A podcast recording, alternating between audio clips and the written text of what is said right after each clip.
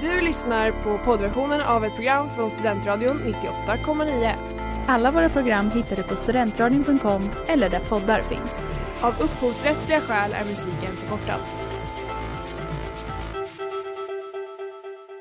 Vi har det så lugnt och skönt här i Stockholm. Stockholmare är smartare än lantisar. Stockholmare tror att en lägenhet kan vara värd 43 000 kronor kvadraten. Tycker att det är okej att köa en timme för att komma in på en krog där ölen kostar 60 spänn och tycker att det är rimligt att en latte kostar 40. Är vi intelligentare så är vi jävligt bra på att dölja det alla. Vad gjorde Fabbe för något då? Fabbe? Farsa då? Hajar inte ditt eget modersmål va? Radio Holmensis, ett program av Stockholms nation på Studentradion 98,9. Ja, varmt, varmt, varmt välkomna till åter ett nytt avsnitt av Radio Holmensis här på Studentradion 98,9. Solen som ni har märkt ute, det börjar vi gå mot kallare tider, men här står vi redo att föra er in i värmen med ett nytt härligt program av Radio Holmensis.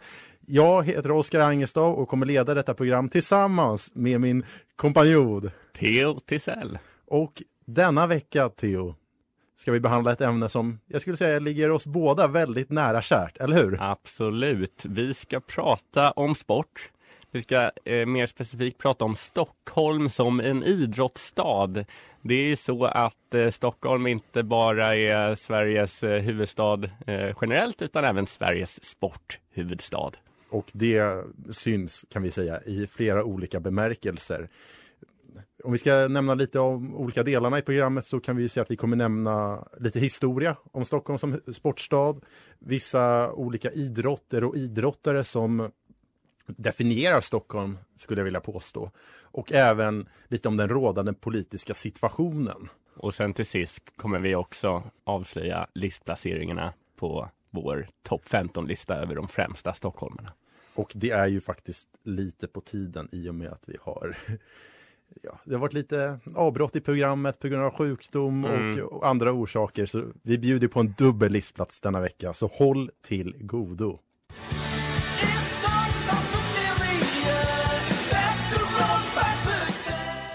The Day I Got Lost Again med The Cribs. Ja, Stockholms idrottshistoria är ju mångfacetterad och sträcker sig årtionden och även århundraden tillbaka. Och det finns ju mycket som karaktäriserar den, men om vi ska prata om kanske specifika moment, Theo, vad tänker vi på då?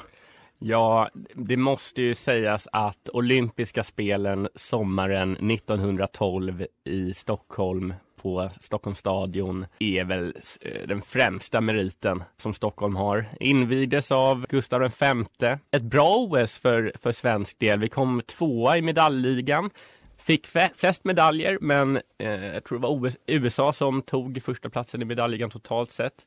24 guld fick vi. Och vad tänker du på när jag säger sommar-OS 1912, Oskar?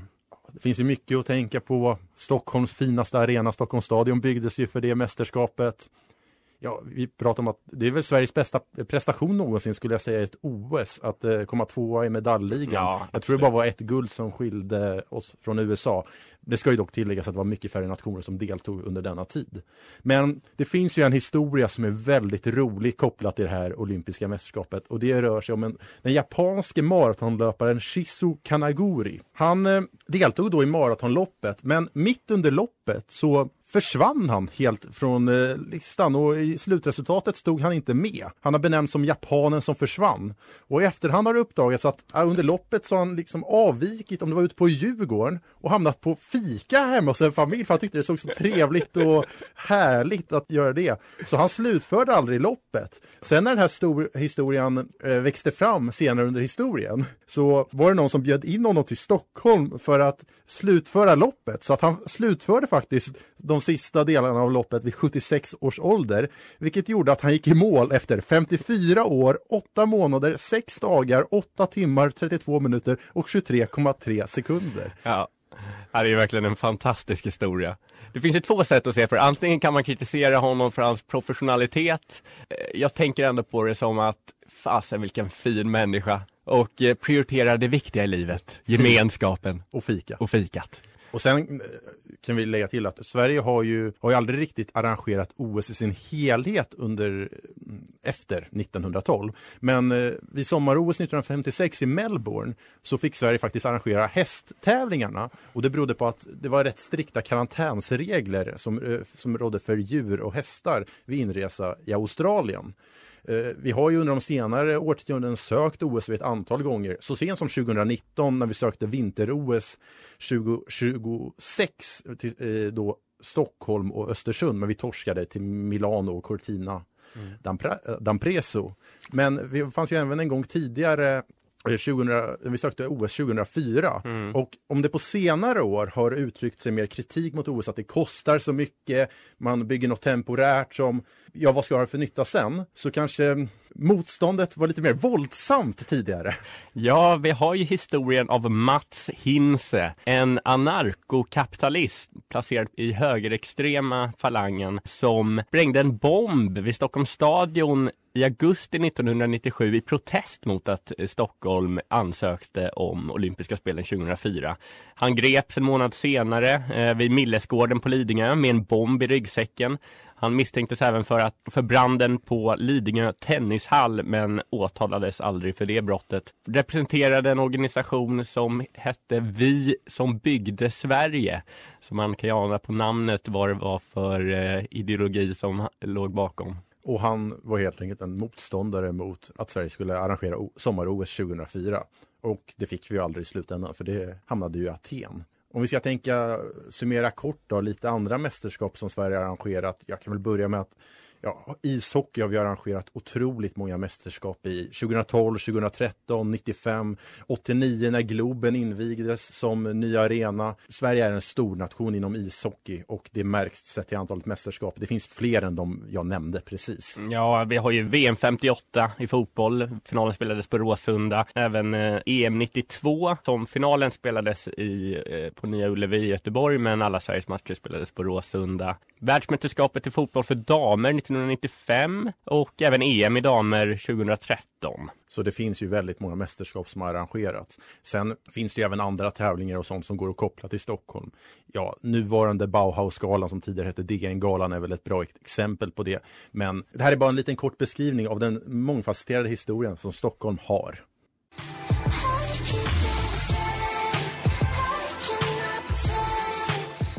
Gang Signs med Ilham. Ja, Stockholms eh, idrottshistoria har ju varit bred och det finns många sporter och många utövare som har definierat och eh, karaktäriserat den.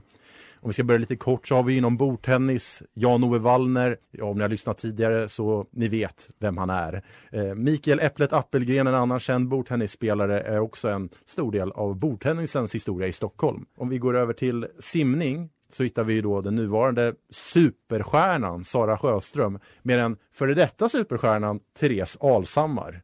Inom boxning så har vi bland annat då den nuvarande storboxare eh, Badou Jack som har vunnit ett antal titlar och bälten inom boxningen, professionella boxningen. Inom fotbollen så kan vi, där finns det många att nämna, men om vi ska börja lite kort så kan vi bara nämna Kurt Hamrin, Lennart Nacka Skoglund och Anders Limpar som ett exempel på några av dem. Ishockey är, även- är ju även en sport som Stockholm har haft en en stor historia av. Där finns bland annat Mats Sundin, Sven Tumba, Gabriel Landeskog och Niklas Kronvall. Och sen friidrott. Ja, Stockholm är även en stor friidrottsstad.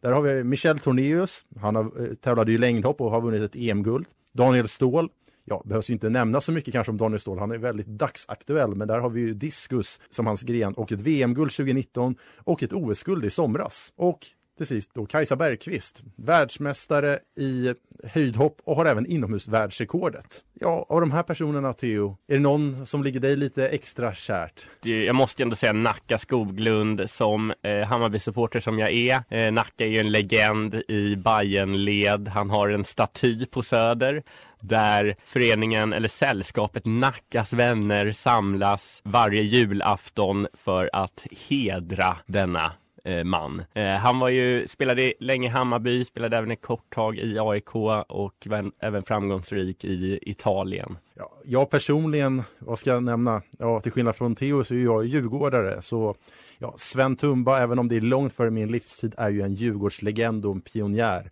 SM-guld i fotboll, hockey, jag har vunnit tror jag SM-guld även i frisbee och tävlat i golf mycket. eller han tog, gjorde golf nästan till en folksport i Sverige.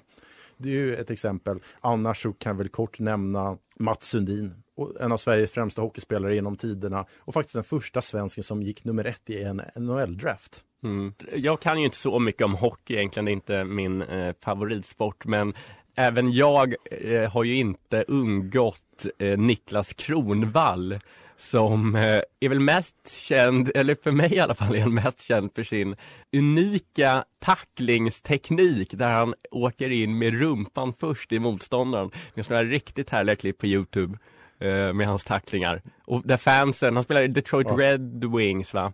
Där fansen då börjar eh, skrika You got Cronwald. Ja, och ja, utöver sin tacklingsstil så kan, kan jag lägga till ett OS-guld, VM-guld, Stanley Cup-seger och otaliga säsonger i NHL.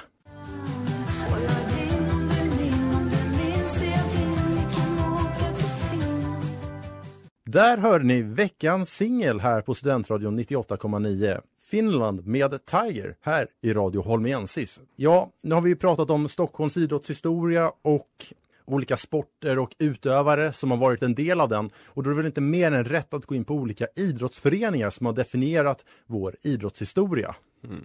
Och där har vi väl i huvudsak tre föreningar, eh, AIK, Hammarby och Djurgården, som eh, Eh, Eh, kanske framförallt är kända för sina fotbollsföreningar men även är, är, aktiva inom andra sporter. AIK, Hammarby och Djurgården har ju alla eh, ishockeylag till exempel. Jag som Hammarbyare och du som djurgårdare kan väl göra att eh, vi har en liten vinklad eh, syn på de här lagen men eh, vi ska försöka vara hyfsat objektiva. Ja, och vi kan väl egentligen säga som så att av respekt för AIK så väljer vi att inte prata så mycket om dem. Vi kan väl mer nämna att det är en förening som grundades 1891 och eh, har varit väldigt framgångsrik i ett antal olika sporter där framförallt ishockey och fotboll kanske sticker ut mest. Men eh, ja, Hammarby, Theo. Ja, Hammarby, vilken fantastisk förening. Eh, grundades 1889 som en roddförening från början. Fotbollssektionen bildades 1915. Tyvärr inte lyckats eh, vinna så många titlar. Vi har ett SM-guld från 2001 och ett guld i Svenska kuppen eh, från i år. Men eh, ändå en förening som eh, är rolig att kolla på, rolig att heja på stundtals, ibland väldigt jobbig att heja på. Men ni har väl varit framgångsrika i fler sporter? Ja, så är det ju. Ehm, bandy, vi har ju en stark bandytradition i Bayern där man samlas på Zinkensdamm i Stockholm, tar med sig sin portfölj med pluntan och njuter av stämningen där. Eh, två guld i bandy vill jag minnas 2010 och 2013. Även eh, vi har ju boxning eh, har vi varit hyfsat framgångsrika i. Och nu på senare tid även futsal, det vill säga fotboll inomhus. Ja, om jag då ska ta vid i Djurgården så kan jag lämna att Djurgården är ju den förening i Sverige som har vunnit flest SM-guld som alliansförening. Det sträcker sig över ett antal olika sporter. Boxning har varit väldigt framgångsrik. Inom ishockey är Djurgården mesta mästare med hela 16 SM-inteckningar. Den senaste var i början av 2000-talet, så det är ett litet tag sedan dess. Inom fotboll har Djurgården vunnit 12 SM-guld, det senaste 2019 och även ett antal eh, Svenska cupen-titlar. Men allt som allt så har Djurgården vunnit en hel del inom antal olika sporter och ja, man titulerar sig som mesta mästare i ishockey och även om det kanske inte är någon större debatt eller att man ska presentera åsikten som Sveriges mest framgångsrika idrottsförening så det är inte fel att benämna det när man är den förening som inom flest antal sporter har vunnit flest SM-guld i svensk idrottshistoria. Men om vi ska prata om kanske lite andra grenspecifika sektioner.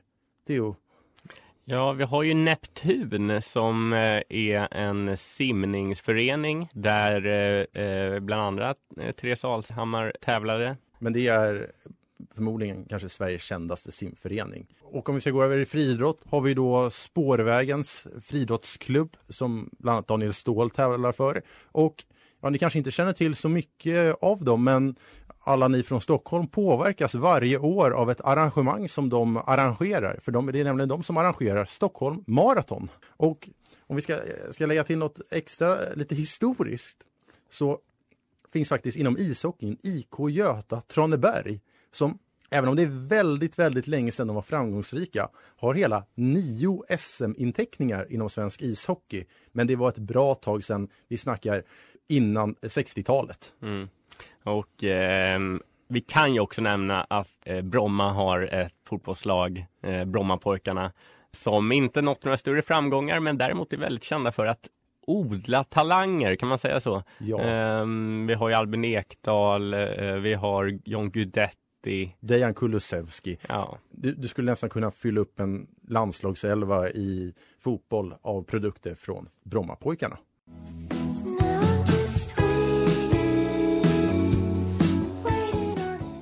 Waiting med Tops. Ja, och nu när vi har gått igenom det som vi har gått igenom tidigare så är det inte mer än rätt att prata om vilka förutsättningar som det finns för idrott i Stockholm. Och det här är en väldigt subjektiv del där vi egentligen kommer säga vad vi tycker. Men det finns ändå viss grund för det, anser vi. Absolut. Det är ju, problemet som Stockholm har är ju att fler och fler idrottsanläggningar, däribland fotbollsplaner och eh, ishockeyrinkar, rivs i förmån för eh, byggandet av bostäder och liknande. Det finns ganska dåliga förutsättningar för unga pojkar och flickor i, i Stockholm att utöva sina idrotter. Och det här är ju någonting som eh, kommunen har fått mycket kritik för. Ja, att det byggs för lite sett till hur många som utövar sina idrotter i Stockholm. Och jag vi förstår ju såklart att det finns inte särskilt mycket mark att bygga på i innerstan. Men det tar tid ändå när det ska byggas även ute i förorterna. Alltså ishockeyrinkar. Jag vet inte hur många, många spelare det går per ishockeyrink, men det är inte hälsosamt sett till hur många som vill utöva sporten. Det är ju inte konstigt att en stor del när de ska börja plugga på hockeygymnasium åker ut i landet för att gå det under andra klubbars eh, regi. För att de har mycket bättre förutsättningar till det. Mm. Och fotbollen, jag läste ju för se, så sent som för någon månad sedan att ja, man river fotbollsplan i södra förorter till förmån för att bygga paddelhallar. Och visst, paddel är en idrott i sig själv. Men alltså fotboll berör ju ändå fler. Vi, anar någon eh, visst agg mot paddelhypen. Jag kan hålla med dig där egentligen. Alltså, problemet som jag ser det, det är ju delvis kanske att så här, ja, men i framtiden, hur många, hur kommer det gå för Stockholmsklubbarna? Hur kommer det gå för eh, liksom, eh, vilka nya spelare kommer kunna fostras i Stockholm? Men det är ju också liksom en fråga för folkhälsan och för liksom, den gemenskapen man får inom, inom eh, liksom, eh, olika idrotter. Ja, och om vi bara ser det så här enkelt. Det bor i, Stock i Storstockholm, alltså Stockholms län, bor det ju cirka två miljoner invånare. De tre stora föreningarna då, inom fotboll, AIK, Djurgården och Hammarby. BP ska vi även lägga till där, för de är ju Europas största ungdomsförening. Men de har ju bara ett begränsat antal eh, personer som de kan, eller ungdomar som kan träna hos dem. De kan inte ta in hur många som helst. Och de har sina planer, men de behöver fler. Och ja, hur ska vi lösa det? Ja, bygg mer, men det tar tid i Stockholm. Och ett stort problem som jag ser det, det är att våra politiker då i Stockholm, men även på riksnivå, jag skulle säga att de har en tendens att i sådana här frågor hör man inte så mycket av dem. Det är väldigt tyst. Debatten förs mer på en gräsrotsnivå av engagerade föräldrar och andra personer. Men när Sverige har vunnit ett VM-guld i ishockey eller etc då är det otroligt viktigt för dem att vara på plats och spegla sig för att det är en framgång. Politikerna alltså? Ja, och det blir nästan, det blir bara fånigt. Tycker jag. Alltså, bara, se bara för vad det, två veckor sedan ungefär, när det var det historiska damderbyt på Tele2 Arena mellan AIK och Hammarby. Mm. Publikrekord. Ja, fantastiskt att så många går på fotboll. Och framförallt att fler och fler går på damfotboll. Mm. Men vi ser då att Amanda Lind, då, vår idrottsminister, dyker upp där. Och vi har inte hört mycket av henne i idrottsfrågor. Nej. Men när det ska slås ett rekord, när det är en happening, Mm. då ska man såklart vara på plats. Då dyker hon upp, ja. Ja precis, Amanda Lind har ju fått en del kritik. Eh, Alltså det säger väl bara någonting om hur eh, regeringen ser på idrottsfrågor, att eh, liksom man klumpat ihop det till kult, hon är kultur och idrottsminister. Bara det säger någonting om hur, hur man prioriterar idrotten. Ja. Man, man ku- skulle kunna tänka sig att man har en idrottsminister. Ja, definitivt. Det finns i flera andra länder. Ja. Men om vi, för att återkoppla just till henne som person, det här berör även Mikael Damberg, är ju då det som är väldigt aktuellt inom fotbollen, som även drabbar de stora Stockholmsklubbarna, den så kallade villkorstrappan. För att få en mer, om ni vill ha, skulle vilja ha en mer uttömmande beskrivning av den så rekommenderar jag Svenska nyheter från den 15 oktober, avsnittet när då komikern Kristoffer Appelqvist på ett väldigt humoristiskt men även informativt sätt beskriver villkorstrappan och hur fel den egentligen är. Men om vi ska kort sagt säga så är det att om det sker en form av ordningsstörning då villkoras idrottsklubben. Om det skulle brännas någon form av pyroteknik på en arena då drabbar det alla. Det är en form av kollektiv bestraffning och oftast har den skett då genom publikreduceringar. Och varför hör vi inte våra politiker om det här? För det här är någonting som folk bryr sig om. Ja, alltså villkorstrappan är, eh, man kan säga att desto fler sådana här olika typer av ordningsstörningar som då eh, polisen kallar det, eh, desto värre blir straffen för klubbarna och supportrarna.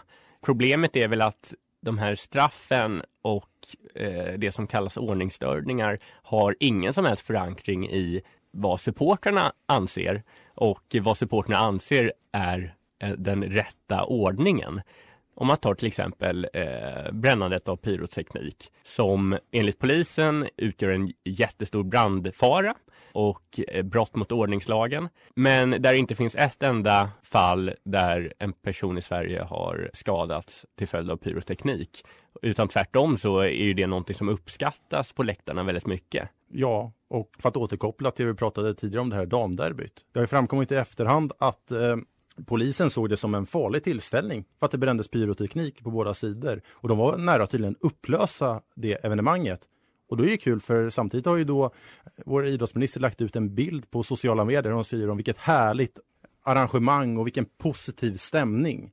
Sen ska vi ändå tillägga att alltså, lösningen på den här frågan, den går åt båda håll på politiska spektrat. Den, de som tidigare har varit i styre då från högerhåll har inte heller brytt sig om frågan alls egentligen. Mm. Så det är bara att hoppas att någon tar tag i stafettpinnen och för det framåt. För Stockholm som idrottsstad måste fortsätta att kunna vara en idrottsstad. Ja, och nu när vi avhandlat eh, idrottspolitiken så har det äntligen blivit dags för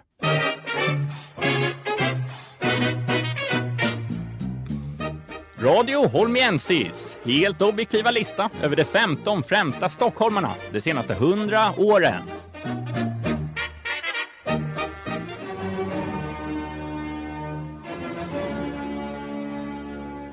Plats 11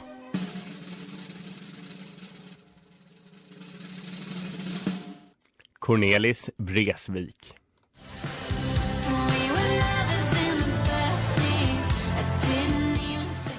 Lovers med Emma Elisabeth. Trots att Cornelis Vreeswijk föddes och växte upp i Muiden, Nederländerna, så utgör han en solklar del av Stockholms kulturarv. Sveriges största trubadur hade en otrolig förmåga att skriva såväl underhållande som samhällskritiska texter på svenska, trots att det inte var hans modersmål. Debutalbumet Ballader och oförskämdheter med eh, låtar som Min polare Per och balladen om Fredrik Åkare släpptes 1964 av Metronom. Året senare nådde han Svensktoppen med I natt jag drömde och Brev från kolonien som båda är egna tolkningar av ursprungligen amerikanska visor. Under 60 och 70-talen var Cornelis en av Sveriges mest folkkära musiker. Andra låtar som är värda att nämnas är Turistens klagan, Hönan Agda och Somliga går med trasiga skor. Trots hans eh, musikaliska framgångar präglades Cornelis liv av ekonomiska problem. Han levde större av sitt liv med stora skulder och det sägs att han hade en tendens att lägga alla brev han fick från Kronofroden direkt i soptunnan. 1982 uppnådde skulderna 1,5 miljoner kronor, vilket idag motsvarar 4,6 miljoner. Cornelis avled 1987, 50 år gammal och begravdes i Katarina kyrkogård på Söder. Jag kommer alltid minnas vår nationalskald Cornelis Vreeswijk för hans ständiga kamp mot förmynderi och auktoriteter samt hans fantastiska låtskriveri. Vad tycker du om Cornelis, Oskar? fantastisk. Helt fantastisk verkligen. Mm. Alltså hans sånger, det är poesi och en, det är en trubadur av ja, kvalitet. Har du någon favoritlåt? Turistens klagan utan tvekan. Alltså den hörde jag mycket, kommer ihåg när jag var liten och det här det här la la la la i början, det, det var magi kände Ja. jag då. Ja, en personlig favorit eh, är kanske Mördar-Anders. Tycker jag är en jäkligt rolig låt. Som jag egentligen fick upp ögonen för eh, under filmen eh, som hette Cornelis. Eh, som vi såg tillsammans eh, för övrigt. Där eh, det finns en fantastisk scen där han fri- eh, spelar den låten eh, eh, framför eh, Fred eh, Åkerström. Även Somliga går med, eh, med trasiga skor eh, måste jag säga är en riktigt fin eh, visa. Ja, men det som är fint i mycket av hans visor eller så när man lyssnar på dem, det är att han ofta har en beskrivning i början av sina visor. Jag vet att just Mördar-Anders, då säger han att ah, nu kommer det en visa om minoriteter. Ja. De, de avrättades minoritet. Och, ehm, eh, nej men precis. Men det ska vi även tilläggas att det var ju inte en helt oproblematisk karaktär, Cornelis. Han hade ju, som du nämnde, väldiga problem med ekonomin, privatekonomin. Och det sägs ju att han även har skrev till Olof Palme för att få reglera sin skuld för han tyckte att det var för hög taxering. Ja, han gjorde någon slags överenskommelse med regeringen och med Palme, eh, någon slags skuldsanering, eh, typ. Eh, eh, men, eller rättare sagt en överenskommelse att han skulle betala tillbaka om det var 10 000 kronor i månaden. Och det höll väl i eh, någon månad typ. Men sen tyckte han att det var för mycket så då gick han på hungerstrejk. Och drog till Köpenhamn. Ja.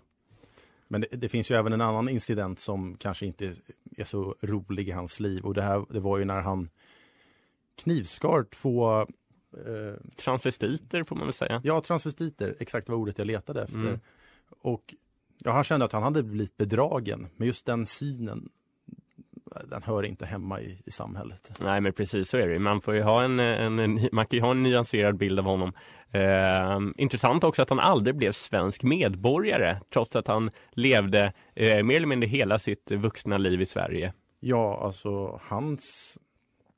Det, det, det svenska språket som han använde sig av, det är på en sån hög och avancerad nivå att det bara är märkligt att han inte blev det. Men det är ju förmodligen också en konsekvens av att det var inte den mest eh, vad säger man, ordningsamma personen när det kommer till, ja, vi pratade om privatekonomi tidigare, sådana här grejer som bara måste göras men som kanske inte han tog tag i. Mm. Och han kanske aldrig tänkte på det helt enkelt. att ja, Varför ska jag inte bli svensk medborgare? Utan för blev ju nederländsk medborgare i hela sitt vuxna liv. Mm. Ja, men till sist kan vi väl ändå säga att eh, han ligger oss båda varmt om hjärtat. Och även hela det svenska folket. Och ja, nu drog vi plats 11, men vi har ju, här, listan har ju varit frånvarande ett par veckor så vi bjuder ju på en till listplats.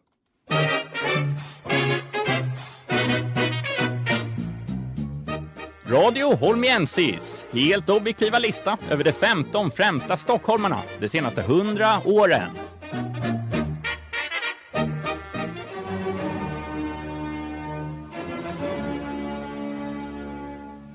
Plats nummer 10.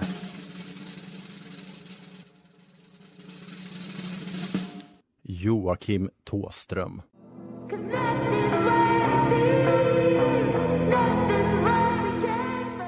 Ponies med Mor här i Radio Holmiensis på Studentradion 98,9. Ja, Joakim Pinne Tåström. Hur ska man bäst beskriva denna ikon, pionjär och mytomspunne man som satte Stockholms södra förorter i allmänhet och Högdalen samt Rågsved i synnerhet på Sverigekartan? Är det för den tonårsrebelliska punkrocken som formade och utgjorde Sveriges största punkband i historien, Ebba Grön? Eller är det för postpunken och new wave-rocken som gjorde Imperiet till Nordens största rockband under 80-talet? Eller är det för den nyanserade och historieberättade solokarriären?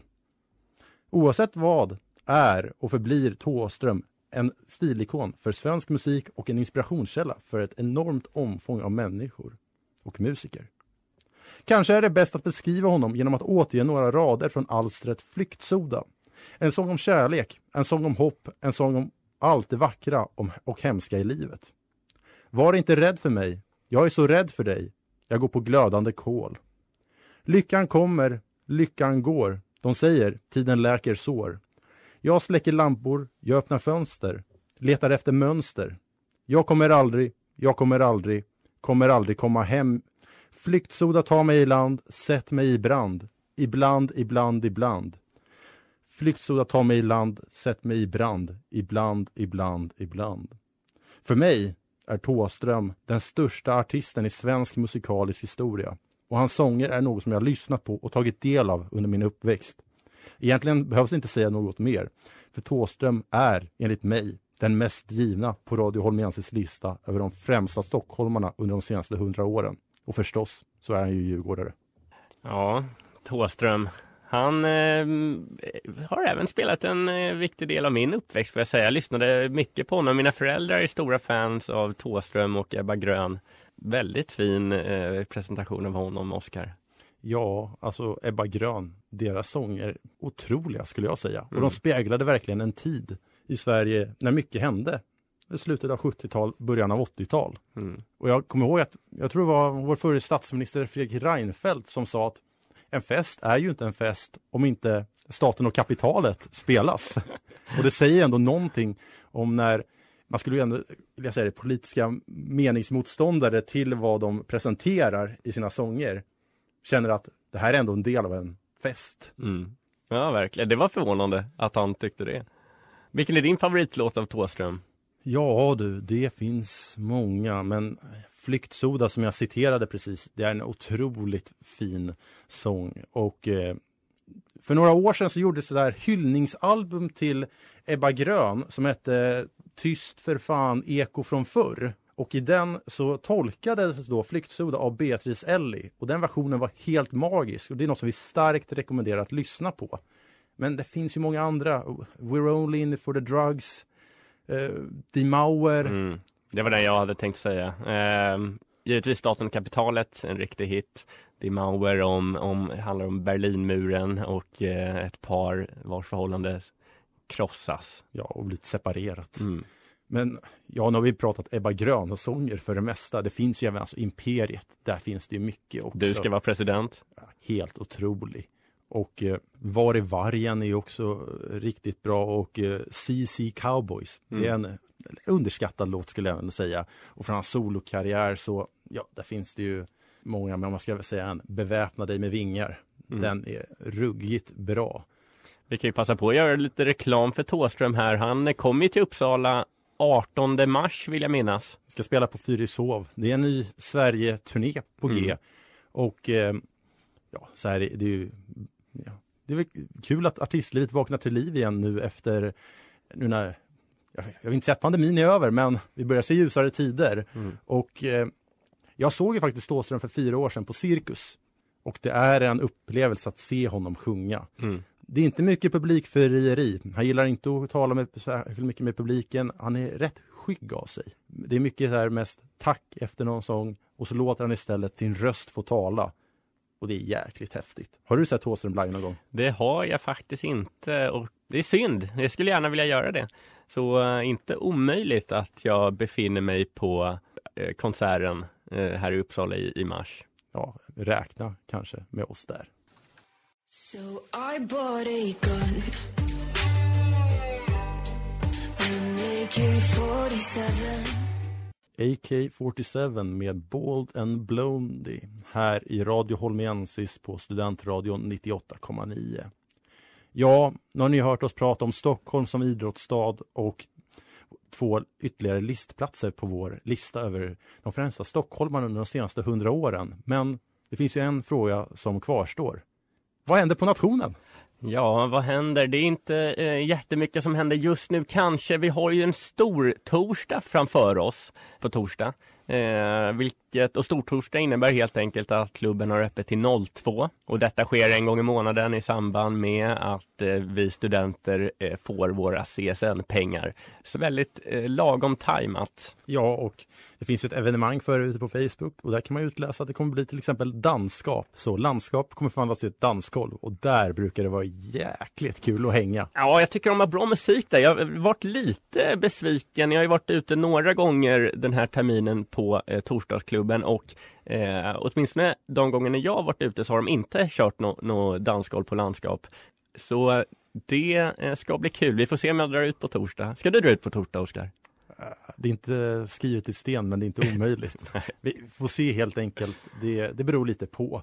Jag, om jag säger så här, Djurgården spelar fotbollsmatch på kvällen så jag kommer ju vilja se om- den. Ja, okej. Du får prioritera där. Får Ja. se hur det blir. Vi får helt enkelt se. Men ja, det är en stor torsdag vi har framför oss. Men eh, kan säga, kommande veckor, framförallt i november, då händer det grejer på nationen och det är något vi kommer återkomma till i kommande avsnitt. Säga lite kort Theo om det här avsnittet. Ja, roligt att prata. Vi båda är ju väldigt sportintresserade och det här är ett avsnitt som vi har tänkt göra länge. Så eh, kul att prata om Stockholm som idrottsstad. Eh, kul att få in eh, Nacka Skoglund. Eh, alltid kul med listplatserna. Ja, jag känner också det och det var kul också att få, få rikta lite kritik mot våra politiker. För det tycker jag de kan ha hur de har hanterat eh, frågan om idrott i vår kära huvudstad. Ja. En, en till sak man skulle kunna nämna som händer på nationen det är att eh, alla blanketter ligger uppe nu om man vill, eh, sugen på att söka ett ämbete. Ja, och sista dag att ansöka, det är nu på måndag. Kommande måndag. Vad har vi för datum då? Eh, då har vi måndagen den första november. Så glöm inte bort det, för det är såklart att ni vill vara en del av vår fina och härliga nation även nästkommande termin. Absolut. Och ja, det här avsnittet börjar nu närma sig mot sitt slut. Vi som har sänt idag är Theo Tisell. och jag, Oskar Angerstav. Och vi önskar er en riktigt, riktigt härlig torsdag, vecka och höst. För nu är ju faktiskt hösten här i Uppsala.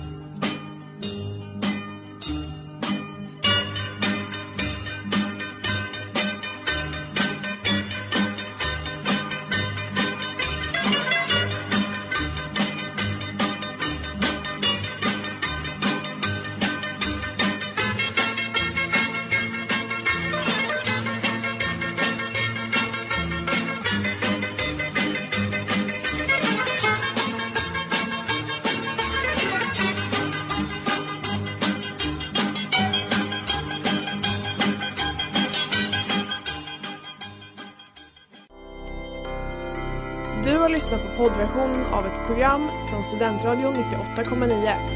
Alla våra program hittar du på studentradion.com eller där poddar finns. Och kom ihåg, att lyssna fritt är stort, att lyssna rätt är större.